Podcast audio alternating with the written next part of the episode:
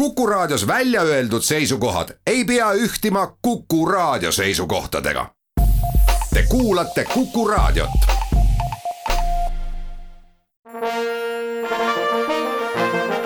Vanemuise veerand. tere kõigile teile, head Kuku raadio kuulajad. täna on saates külas Vanemuise teatri muusikajuht ja peadirigent Tere Risto Joost. tervist! mina olen saatejuht Tiia Rööp. jutuajamine, mida te täna kuulete, on räägitud pea nädal tagasi, eelmise nädala reedel. see tähendab seda, et balleti Luikede järv eelõhtul laupäeval, teisel oktoobril meie teadmise järgi toimub Vanemuise teatri suures majas Luikede järve esietendus. selle lavastaja ja koreograaf on Peeter Suska, kes on Vanemuise publikule tuttav. kaks tuhat kaheksateist tuli tema ballett Romeo ja Julia välja. mitut Luikede järve lavastust sina dirigeerinud oled?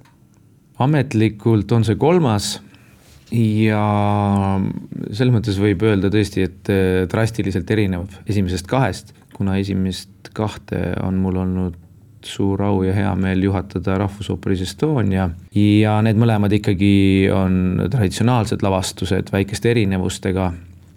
Aga kui me nüüd räägime meie uuslavastusest, siis Peter Suška käekiri on ju Tartu publikule teada. Tegu on ikkagi väga dünaamilise ja, ja ütleme, modernselt värske, aga siiski traditsioonidest lugupidava koreograafiga ja lavastajaga, kes tunneb tantsukeelt, balletikeelt, aga tunneb ka sellist dramaturgilise liini edasiviimise peeneid nüansse mis äh, moodustavad täiesti võib-olla isegi eraldiseisva maailma sellest originaalloost, nii et ütleme, antud juhul on ikkagi tegu täiesti uue looga, mis võib-olla baseerub osaliselt äh, siis ähm, sellel originaalskriptil, aga, aga kokkuvõttes on võib-olla ka Luikede järv piisavalt äh, selline ambivalentne oma süžee poolest, mis annab lavastajale võimaluse tõlgendada seda olustikku ja suhteid ja ja võib-olla ka ajastut piisavalt äh, kunstiliselt vaba käega ja, ja Peetri puhul on ikkagi minu jaoks suurepärane sümbioos sellest mõistmisest, kõigepealt, mis tuleb siis muusika poole pealt, et ta tajub suurepäraselt muusikalist kujundit ja, ja noh, balleti puhul ju, ju muusika liikumise energia on kõige tähtsam.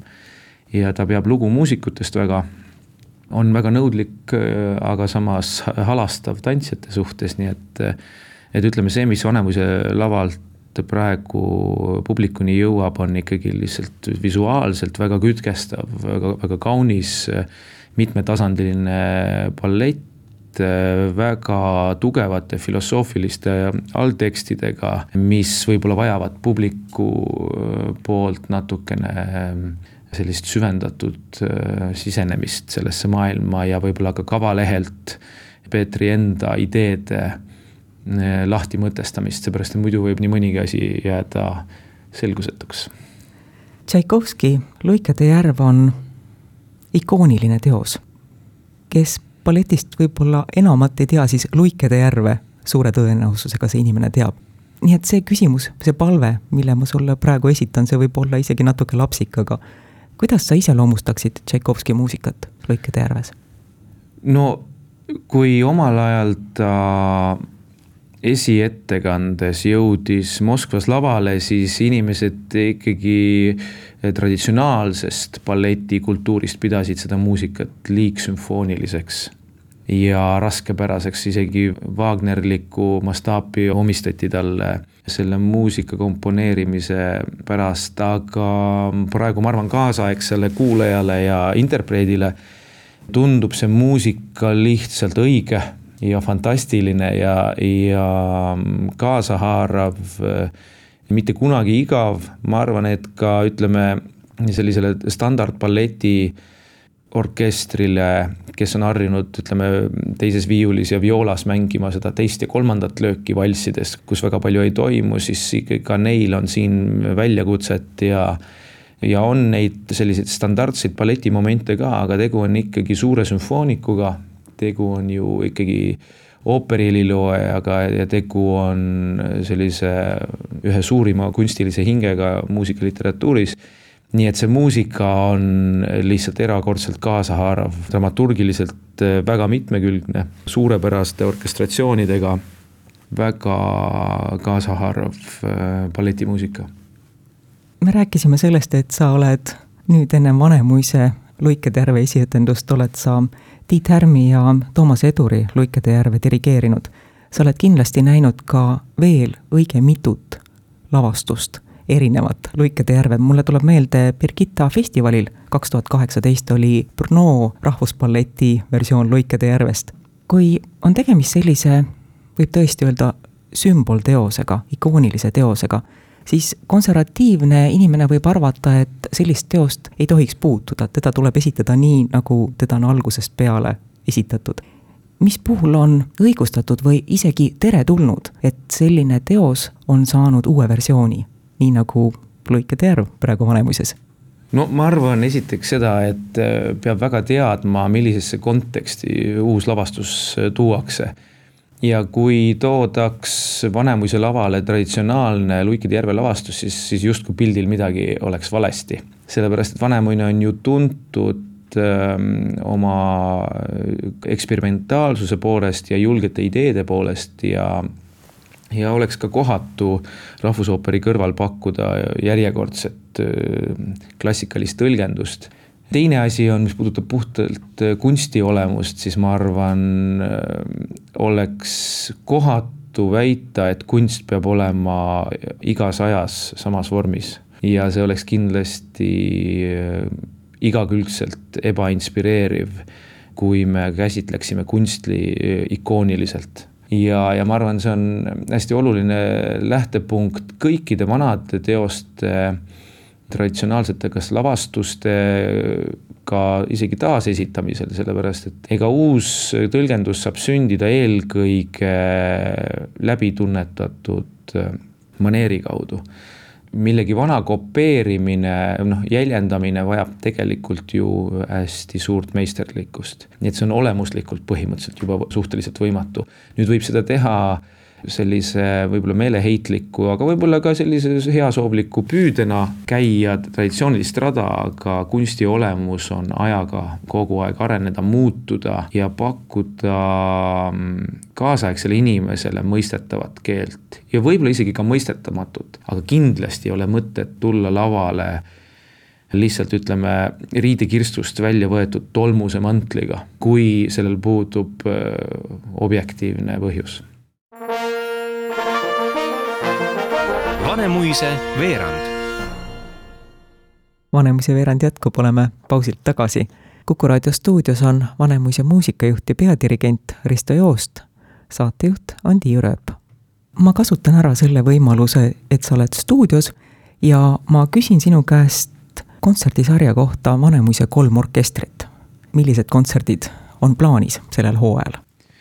Sellel hooajal tõepoolest meie sari jätkub ja Vanemuise kolm orkestrit äh, on minu arvates suurepärane võimalus meie muusikakollektiividel ja, ja inimestel pakkuda välja oma ideid, näidata oma äh, kunstniku natuuri läbi nende kammerteoste, mida tavapäraselt nad Vanemuise laval ei saa esitada ja võib-olla see annab ka võimaluse väikseks sissevaateks meie kollektiividesse, ehk siis Vanemuise sümfooniaorkestrisse, Vanemuise ooperikoori ja ka ooperisolistide sellisesse, ütleme, intiimsemasse muusikatuppa kus nad võib-olla tegutsevad väljaspool Vanemuise teatrit, repertuaar, mida me seal esitame, on paljudele tundmatu, aga suures osas ka tuntud meil hetkeseisuga on plaanis sellel poolaastal veel kolm kammerkontserti.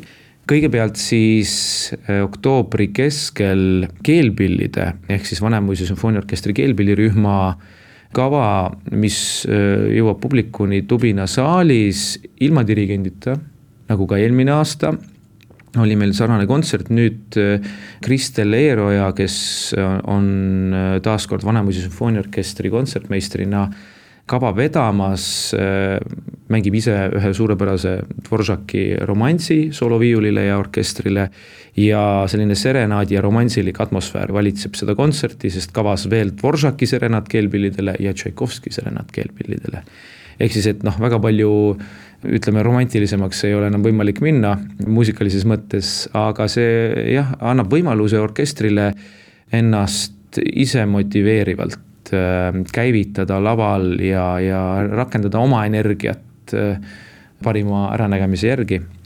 siis äh, kavas on ooperikoori solistide kontsert, mis kahjuks pidi edasi lükkuma aga seal tõepoolest siis näeb meie, õigemini täpsustame siis jah, ooperisolistide kontsert on on ka veel ühes kammerkontserdis osaliselt kavas, aga ooperikoori solistide kontsert on jah, võib-olla selline suhteliselt esmakordne sündmus, kus iga laulja saab siis näidata oma solistlikke eelistusi läbi repertuaari ja, ja, ja samamoodi artistlikkust. ja, ja ma arvan, publik suhteliselt harva saab sellise võimaluse osaliseks, et äh, näha väikse sissevaatena, kuidas see koor siis tegelikult ähm, on kokku hingelises mõttes pandud, et millised karakterid, millised hääled moodustavad ooperikoori tervikkõla seal on erinevaid numbreid, soolonumbreid, duette, tertsette, ansamblinumbreid äh, ooperitest, aga ka soololaule, nii et tõesti väga mitmekülgne kava,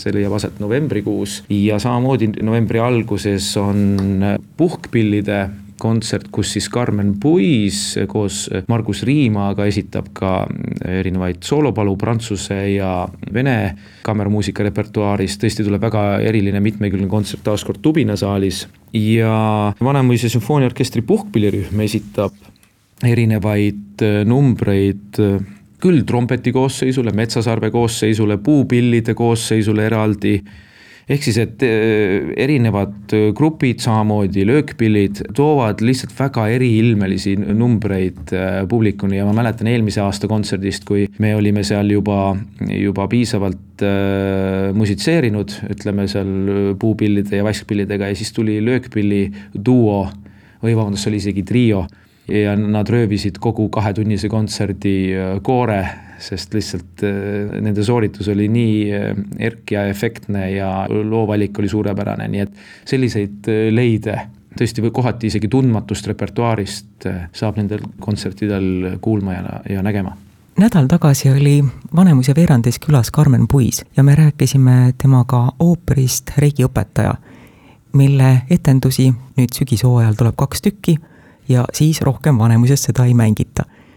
palun iseloomusta tubina reigiõpetajat?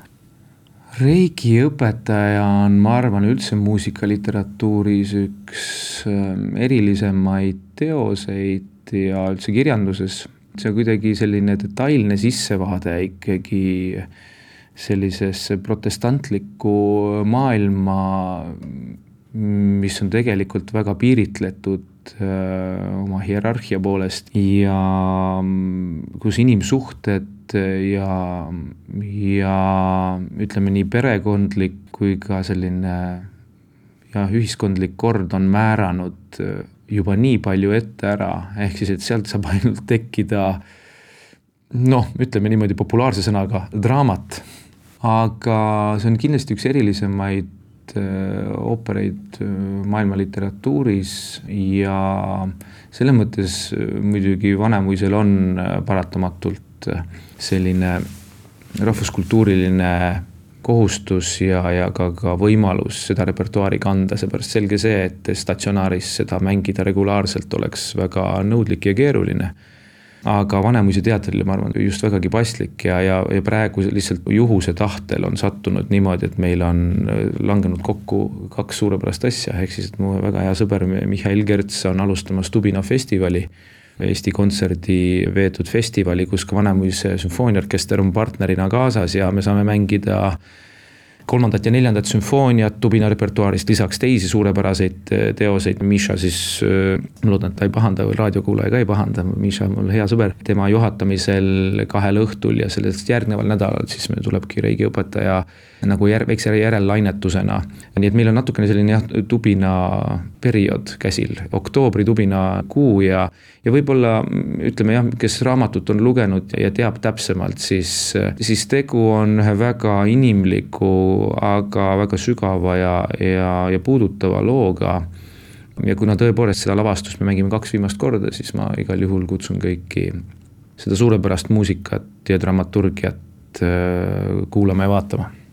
aitäh, Risto Joost Vanemuise muusikajuht ja peadirigent saatesse külla tulemast. suur tänu!